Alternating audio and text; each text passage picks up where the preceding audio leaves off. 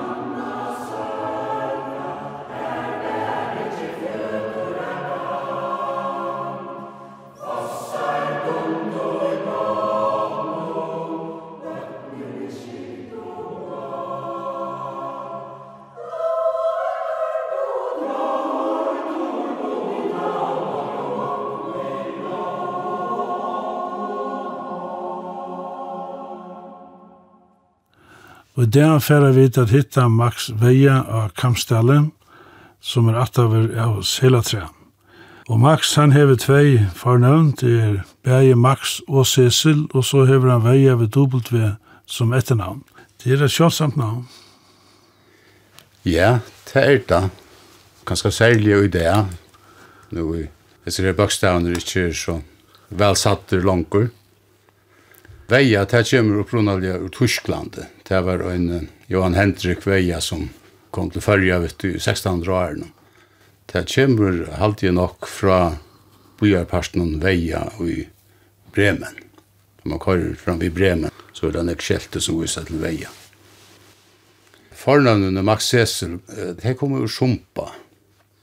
Jeg øyde etter pappa min, som et etter Mostesynet Maren Cecilie, Marsilia, som det rødt igjen er sjore.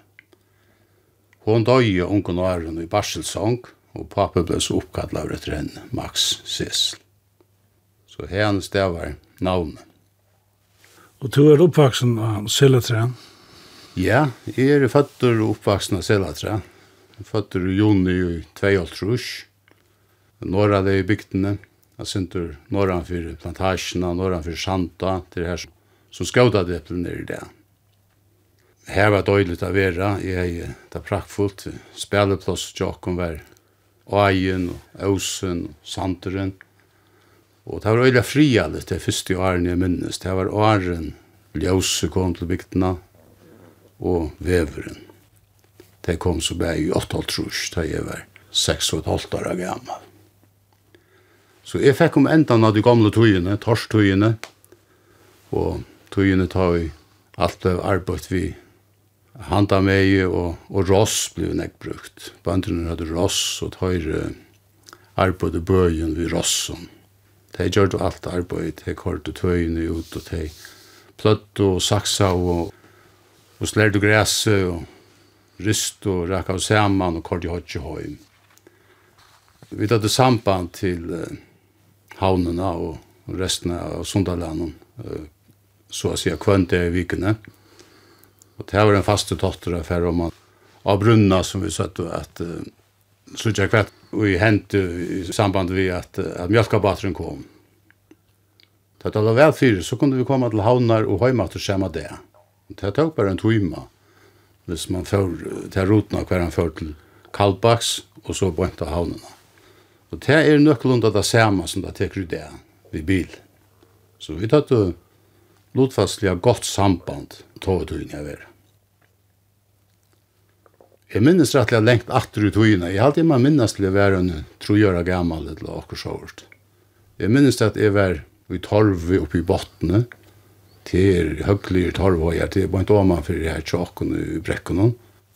Og jeg ble båret nian og en parste av vennen, så tar man ikke av verden enn tvei trojøra gammal da i kjorska jeg, så frass man gengan igjen båten det var døyligt att börja bort i torv. Jag det var sån sträv att börja bort. Jag måste inte det större nyttorna, men det var hon allt. Jag sitter så ner att koka en dräcka om och fänga sol i ånd. en hon rann här på en fram vid torvhöjn og tjokken, og här var det alltid sol å få. Vi var fem syskjen. Aurora, den eldste systern, hon bor i Havn. Och Karl Brauer bor i Skala. og Emilia syster bor i Nyrre. Och Hans Peter bror som den øyneste bor av Selatre, og er som sagt av Kampstad. Pappa sylte ut, han var stor med maur og var borster. Vi lengfæra sykling med en person av løvnen, og han kunne være lunge borster. Selja han jo i alt trusjen, og det var Arne Fink så gavar leilige ferieordninger som kom i trusjaren. Berda så snar at han kom av sykle på Japan og fjærrestur og kanskje mittelen Asia og, og Nordamerika, så kunne jeg være borster i halvt lenka tog i Arndala 4. Jeg minns det av å komme høy. Jeg minns det øyne ferien at hei han vært borster i tvei og et halvt år. Det var noe det langste. Det var 17 personell og trusjen, og jeg, jeg kjente han ikke da jeg tar kom atter. Jeg kan nevne at uh, grannen til åkken, grannehusen her, Lassen i hotten av sysna på pappa. Her var kommet tro i bøten, men han var borster. Så det var ikke løy at vi ble bare fem, annars var det noe så vanlig å se at vi stod om badnavlokken, tutsk og 12 bøten. Det var, det var ikke vanlig. Mamma var sånn i høymagengande. Ja, hun uh, gjør noe snakk på sjur av binda og, og snakk garva skinn, hun er bindemaskin, og jeg minns at hun bant underklæger til skipsmenn som bøylet fra henne og og hon garva i skinn til å selja. Vi tatt 16 seier, og, og vi tatt kikk, så det var sånn, det nekka av skinnet, men hon kjøpte nek skinn fra bøndren, og salta i og, og garva i. Jeg er den yngste, og til nok så lengt i middelen noen, til eldste syskene, jeg flott til heimann fra at jeg var løytel, til jeg var nødt år gammel, da var jo ensam alle etter i husen. Og Arjen Veveren kom, da var sambandet som sagt sjøvig, og iver, iver land, vi jinko om skære til skalar, her var større handel av betingsene, og her var mekta få av seg. Og et lamp og glas brottna i lokkersåret, så var det ferdig til skalar, at få kjøpt et nytt. Og annars var det maskinbateren, jeg minns da vi var vi maskinbater til Søltafjæra, vi ikke om, og stima og lengt ut om raktenka, og så atlan vi i norra til Søltafjæra, og vi var så her nekkar timmar, og så heimatter sånn om det er. Alt som jeg minnes helt tydelig, som jeg kan dagfeste, det var um, da jeg i um, gåtanes fjord og flesjener. Jan var 1926, da har vi bare vært fyra og et halvt år gammel. Det er minnes vi øyelig vel.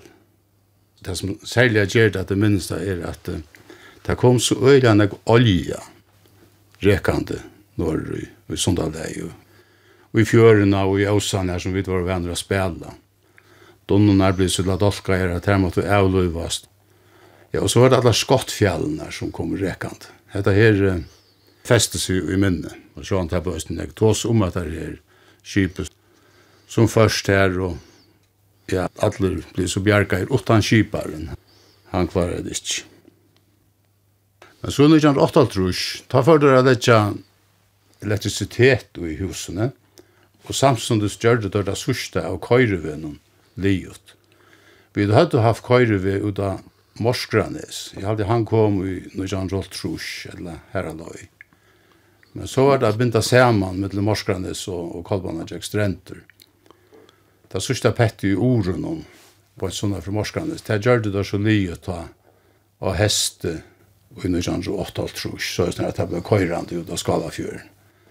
Og stått at han at jeg ble ljøset hendra. På en tar en jøl, og under sånn råttal, tror jeg, fikk vi så elektrisitet. Da har vi vært seks og et halvt år gammal. Det er vært sørt. Søvelet år av selatræ, kan man sige. Og et halvt år skjøttene, under sånn råttal, tror jeg, ta for det så i skola. Til nok vært jo i august eller september. Sommerferien er til lov søttene ta, og det er bygd det var nok fyrir bøtten og skulle kunne hjelpe til i hodgjinsene. Så havna bøtten og bøtten og klaksvøk som kom til Selatrær i sommerferie, de kom og medan vi framvist gikk i skola.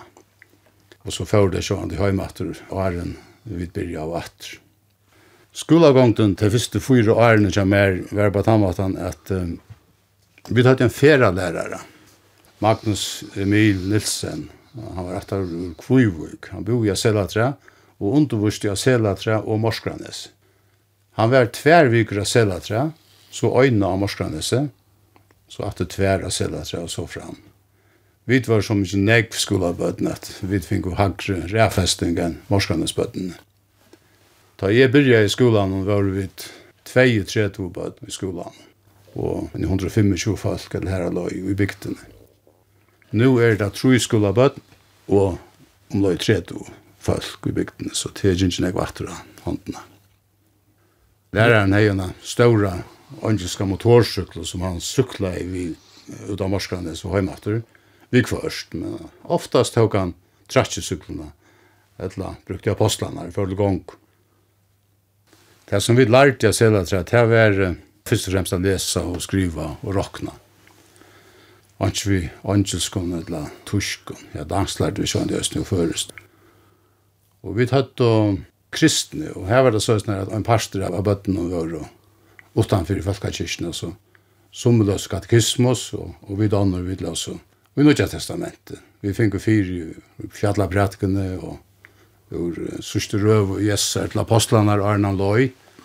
Hetta skulle vi så ramse opp utan et, og på samme måte som hinne ramsa upp ur, ur lærebøkene.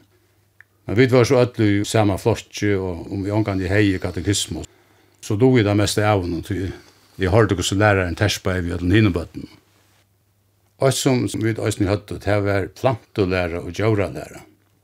Læreren var så øyla plant og interessera av. Han tjekk høgt opp i orsdagar. Han er en stauran gauan orsdagar. Og då det øyla vel å få det veksa. Det var prøy i tjån. Så han underviste jag kunde i plantolära, mens vi brukte plantolärarna til Rasmus og Haskolan från 1912 i Öjanen. Det var AHA-värst. Ta jeg ikke fyra skola, ta ble det kjipa fyrir skola køyren. Skolen av Morskanes, han er veri en hus som heima kja privatfaltje. Det ble så nye lagt, og Morskanes bøtt ble kordnår til selatreer.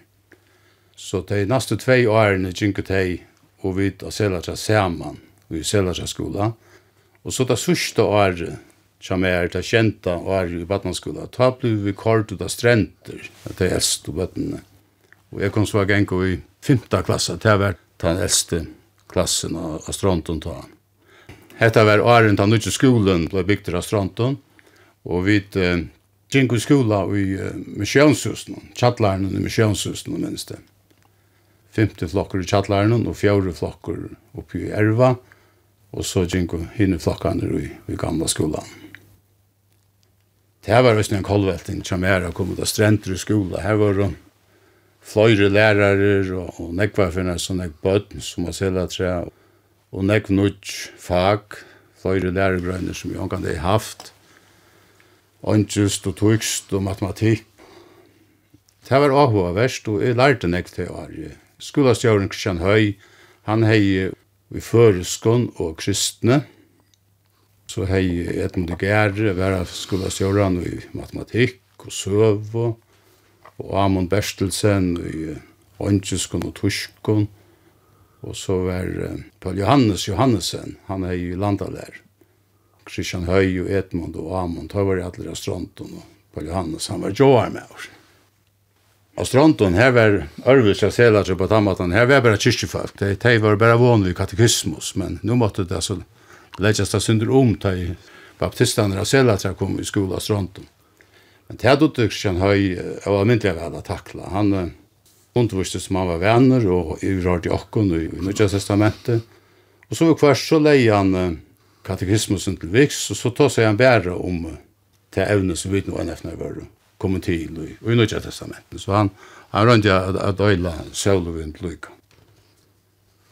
At han da, det er øyne året, det sørste året som er i badnaskolan, føres ut av glivrar av gengeskolan, realskolan. Det var den største skolen som vi er alltid i Estrødne ta, og ødel bøtt av Skalafjørnen, og selatra, og lampa, og avvig, og rytvig, du ødel kort av glivrar i skolan.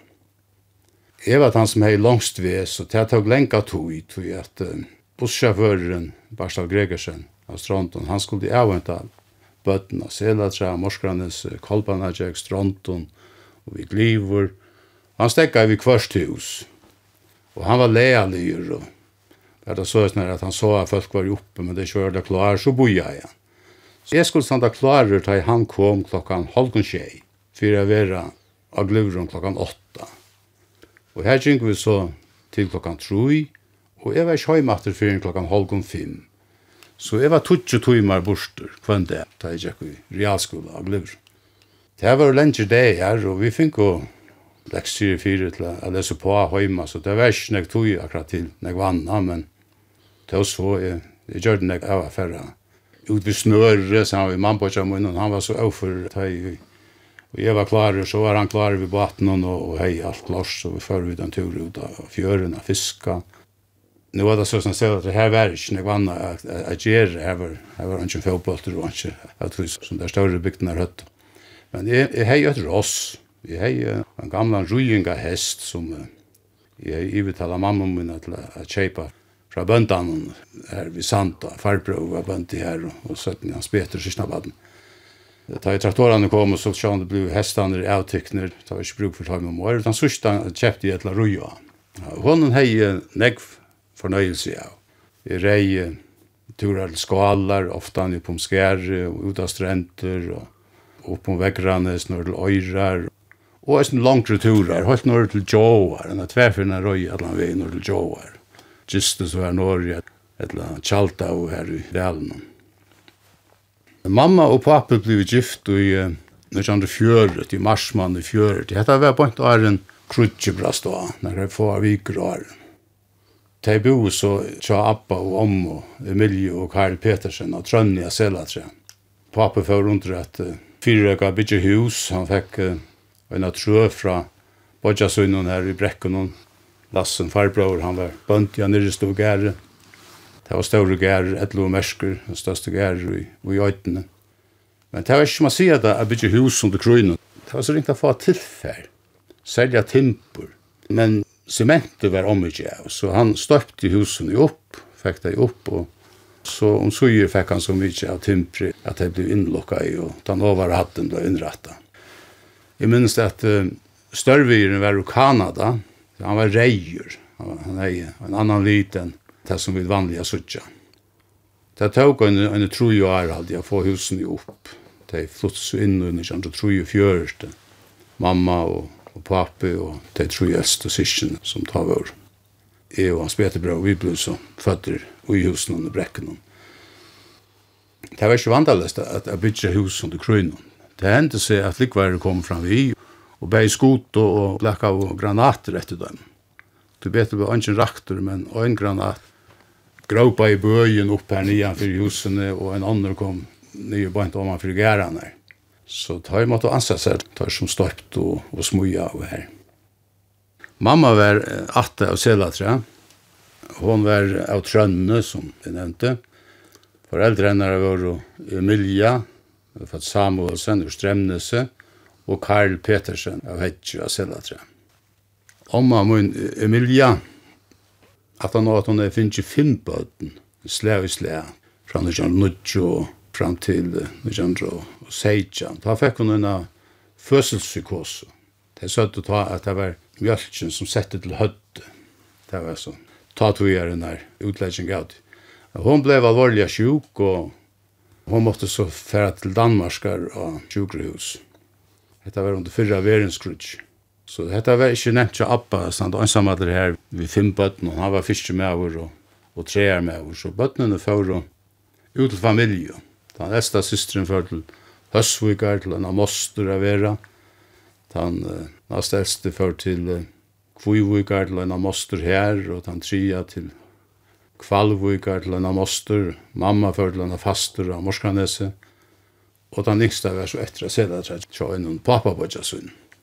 Så familjen fører i alt mulig her hera sånn, og amma var borster i en 2-3 år, har hun kom hjem etter. Hun kom fire skjatter, og hun fikk uh, trutja skiner etter til at hun var flott hjem etter. Amma var det som vi kallet nærkona. Hun uh, var i Gjerramøver sted, da i Gjerramøver ikke var kommet av sted.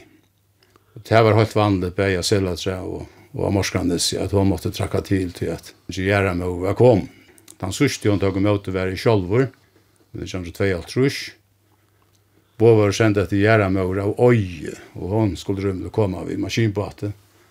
Så jeg sånt av alene, men jeg kom fyrr, så omma tok med mer.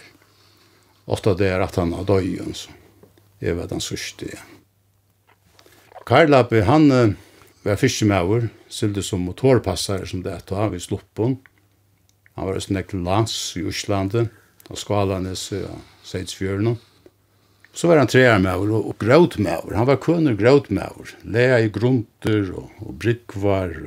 Ikke bare sela, så Østnia Morskranes og Skala som der bo etter om det skulle gjerast.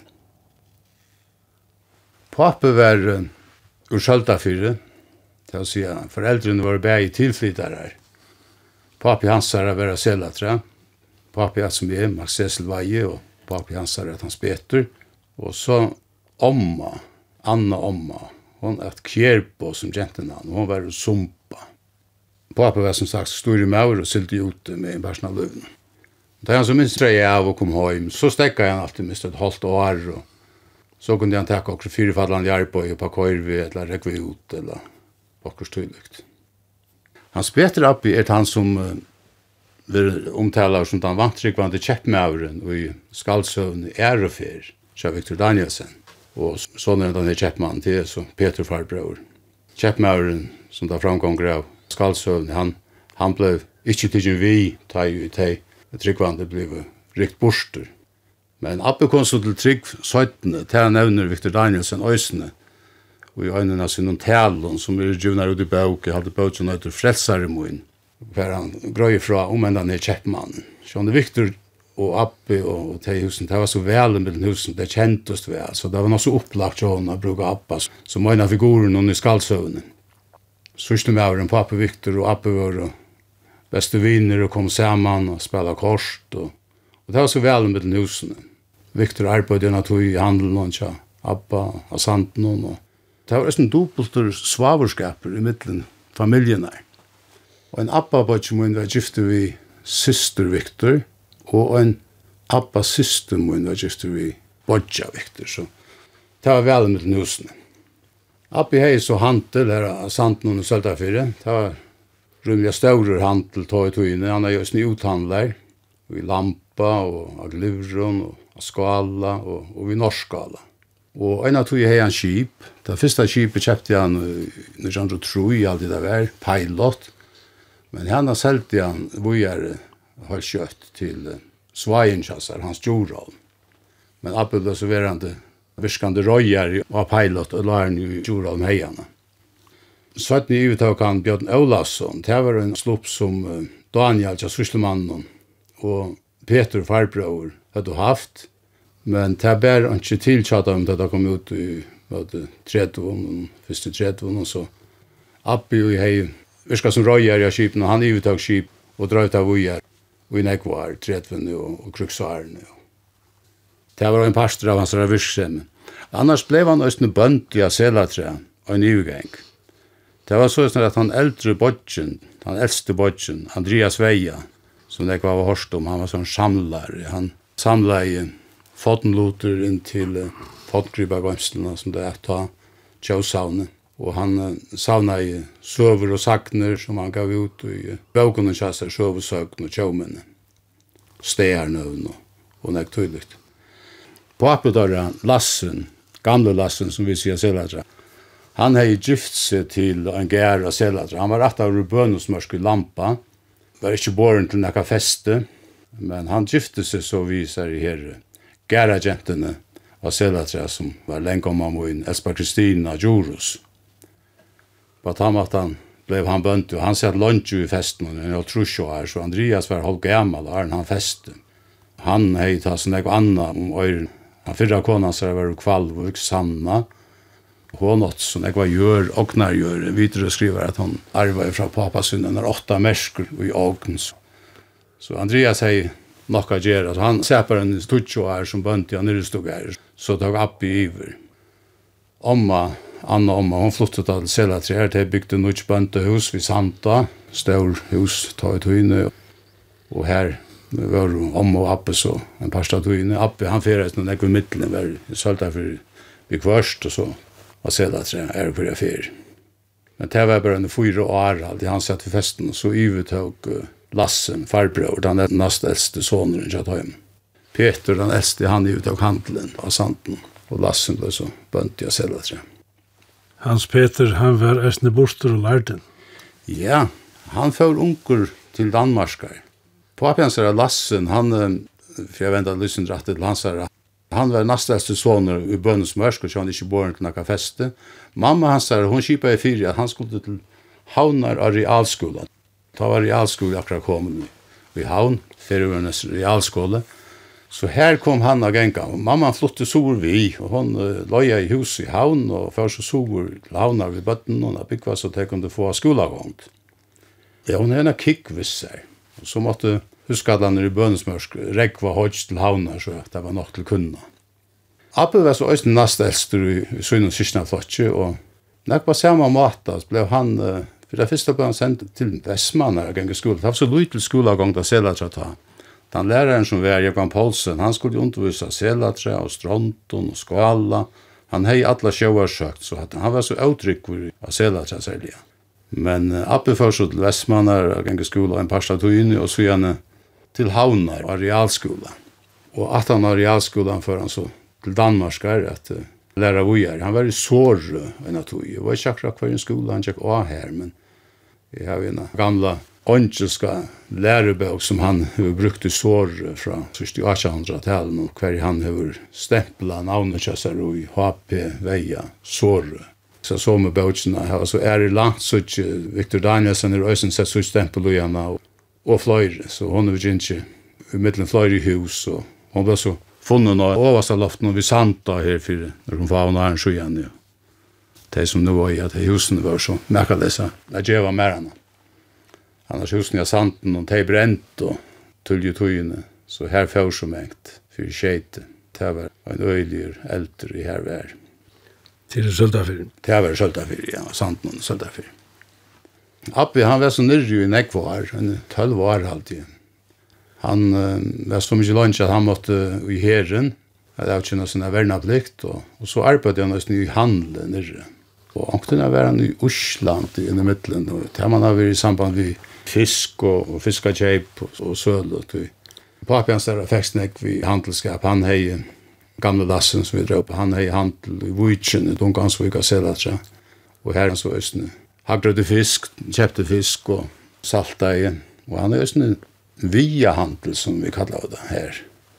Så han selte vi til nekva bygder her i Østene Og en søve er om da den første nye sitt med avn i Avovik skulle bytja, så kjøpte han vien fra Lassen i Aselatra og skulle så sløypa han og en flækka til men tak, han øtla i vekkere, så han miste en parst av vien og det er ikke så vel.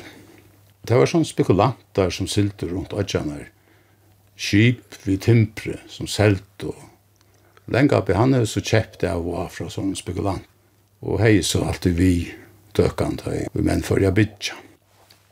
Appe kom så heima etter ur Danmark i 1855 salje, og vær så enn tog i handen og tja papan og i Dunkansvig og selda tre, men kjøtt at han har tega før til Søltafjæra og ståna i sin egna handel. Det vil si han kjøpte jo en fra en selda tre mannen som var vaksen opp her i Nyrestova, Christian Jakobsen, Santa Christian ble han røpter. Han har haft handel og selda tre og i Kaldbak og var så enda vi sølta fyrir av sanden.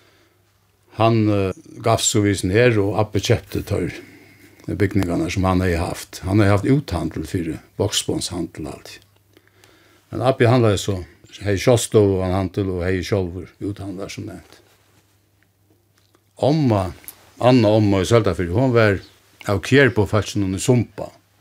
Papi hennar, Thomas Jakko, var uh, av kjeltagøren Kjeltagarrar er en pastor av leangar, kan man sia. Den gamle leangar som var tutsjo, verskur og godt og vel til. Blei i gabla tøyene, i helt, så løsner at under helten til blei til Kjeltagarrar. Heian var lenge oppe, hatt over. Og lenge omma, som Maria var urloppra. Lenge oppe i Sumpa, han tjekk bostur av utdrauri i 1905 vi en bate som er skikvur. Tar vore og fem mans i baten, lengappe og en soner og tvær versiner og en femte maur.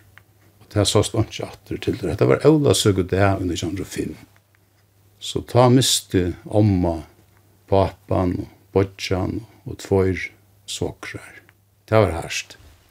Hin lengappen kommer. Johan Paulus Samuelsen i Strømnes, han tjekk bort og Sjema og her, og utrådde av Norrhavn. Han var i stremnesbaten, og stremnesbateren for rundt. Adler Faurus, og han øyn mæver, bønden av Lengasanti, han var så ofur svimjæri, han kom fra at vi døven. Det var bjergaver i sørste løt. Lengomma i stremnes Maria, som var født Magnusen, atur Hansa stov, vi sjøvartun i skvala, Hon var fyrir det samme, tverfyrir i løyvnum. Han fyrir mæveren fyrir vi Hansa stov baten ur kvalvuk, og i 1871, og det var på samme måte atler omkomst utan øyn som bjerga i av kjøl og blei bjerga av. På den måten fikk det avverende jeg vita hva det var hent og hvordan det var ikke fyrir seg. Sverige Ekholm skriva så rørande om det Johan Paul, den gav på han skulle si at ta til sørsene, her gjerst han, han, at befalla seg i herrans henter. Og han var tryggvande med over gamle slå nevner han i synnen dæbøkken at uh, ta han fyrre i rundt i Sundaland i Kvalvik og Stremnes i her versen her uh, mauren av møte og at han var avskaver av, av åren. Du nevnte etter etternavnet Kjerpo. Ja. Kjerpo, den første Kjerpo kom ur Bergen til Førja. Det er sagt at han har vært i en slagsmål av bruggen i Bergen han og en annan vimmaver. Og, og dette var så mykje alvorlig at jeg, for å komme politisak på styrer. Og det var tar ikke så spent på å komme i ratten for det her som, som var hent. Så tar jeg det kjøttet av og slepp seg vi en skip som her la. Vi skulle til färger. Kom så bare til havnar. Og tar skulle det være større og prøve menn og fikk bare arbeid av Skansan. Sånn kjer på atferien som er, han ble konstapel av havnar Skansan ein en av hans etterkommeren gifte seg til å feste i Sumpa, feste av Kjeltagøren. Så jeg snart kom kjer på atten til Sumpi her. Og heian hevren så kom natt til Søldafjærar og, og voja hver kring land. Etter virksomhet fra Abadunnen, hans Peter, det var rettelig størst. Ja, han hei større handel.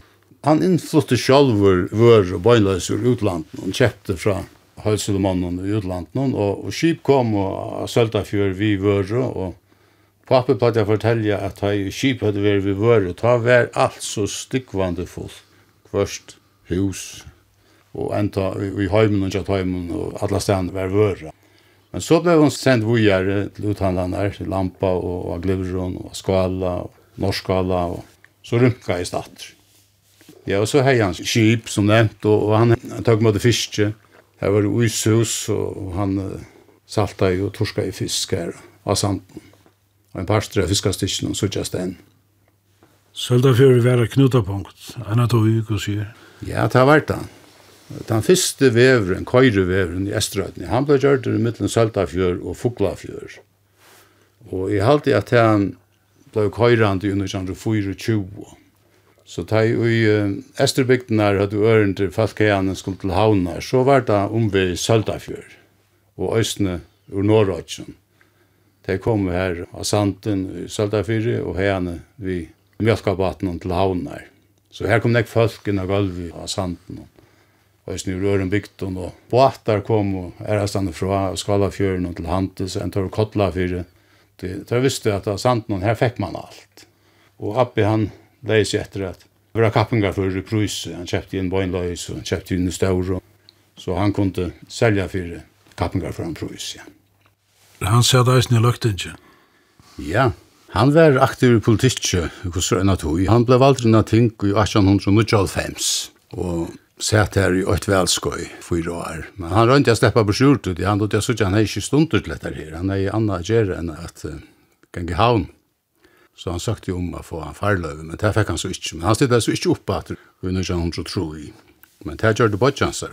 Andreas bøndi jeg selv at han kom så inn ta og sett at han ikke til nu ikke han tro Hans Petra Appe var òsne i kommunalpolitikk. Han var i søknarstøyren om fire gamle nesøkn, som fevnte om alle bygdene av nese og holdt til vi gøtene. Og han var så formøver her i nøkre år. Papedora, Lassenbønd, gamle Lassen og Selatra, han er i Øysen sitt av Tintje og skiftet jo i Asjan og han er i Øysen vært søknarstyrets formøver. Ta var det i Estrøyar kommun, öll kommunan var saman i øynene ta.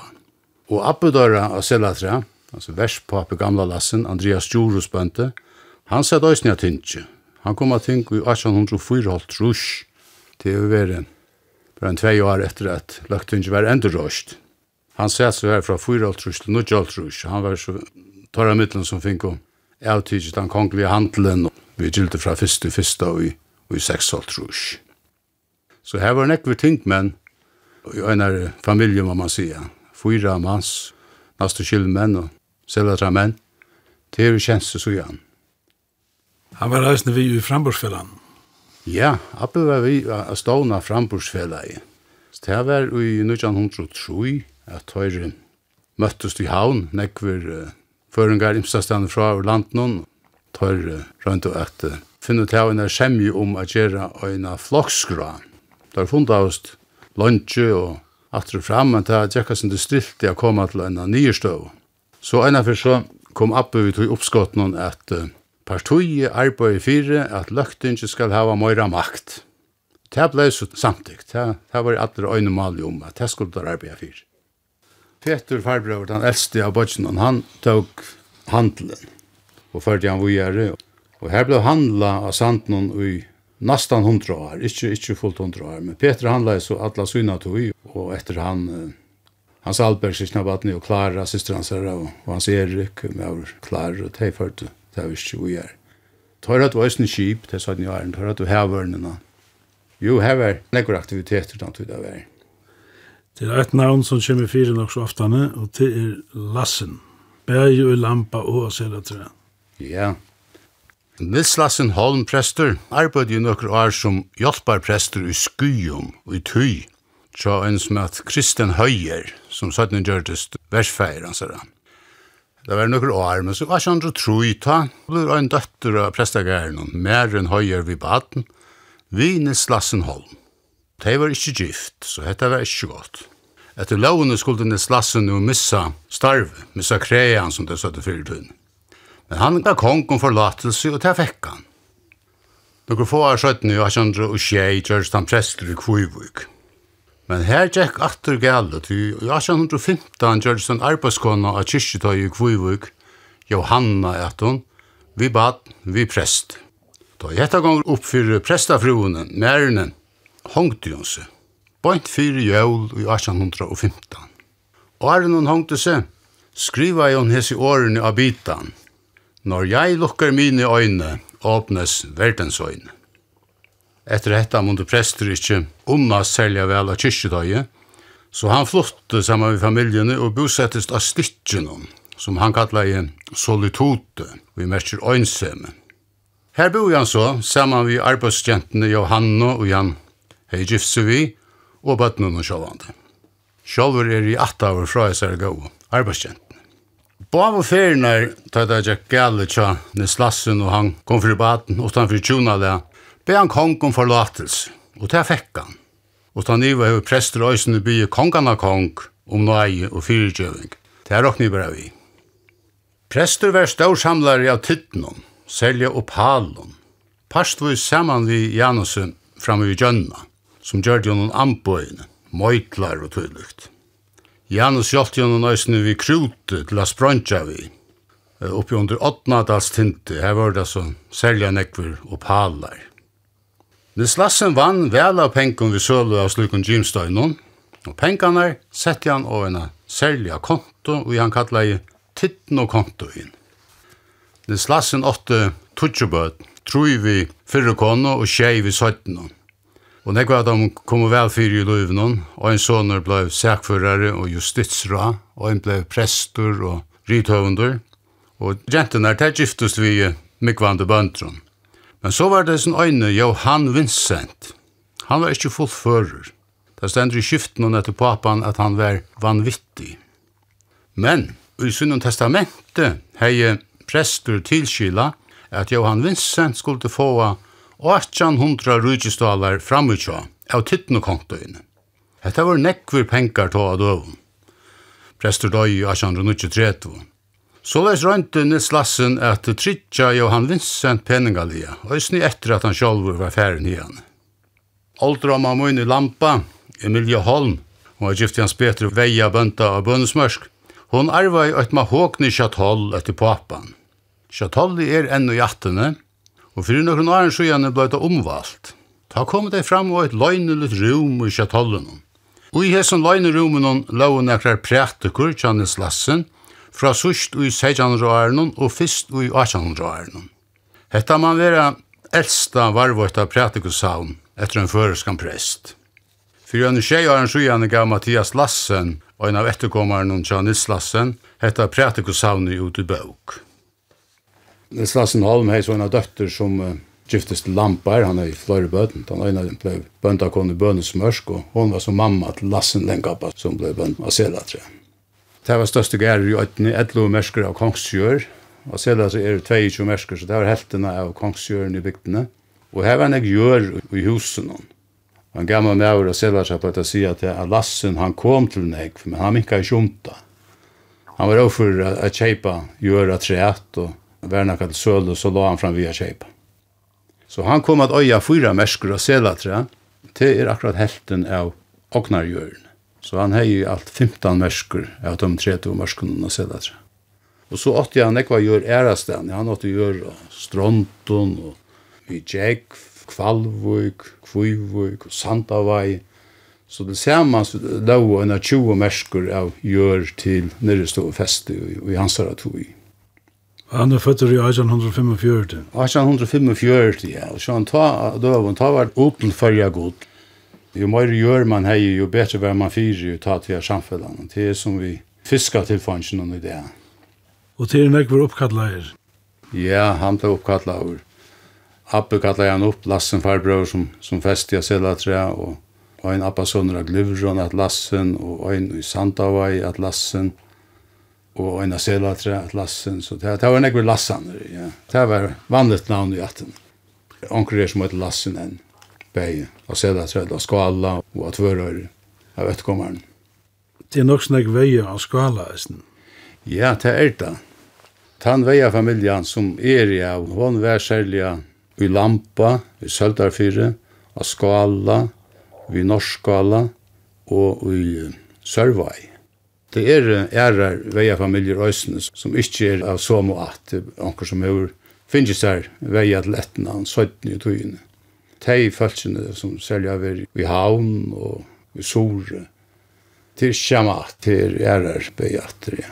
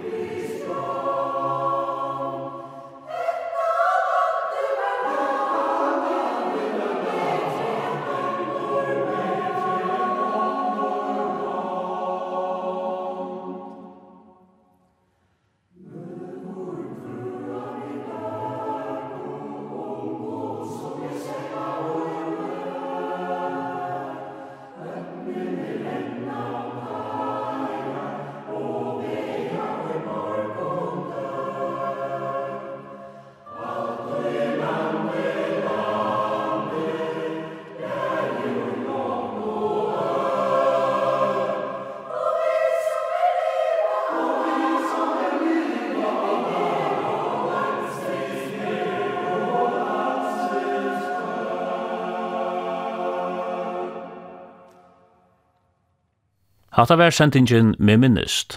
Jeg var narki hitte Max Veie av Selatra. Hetta vær fyrsta sending.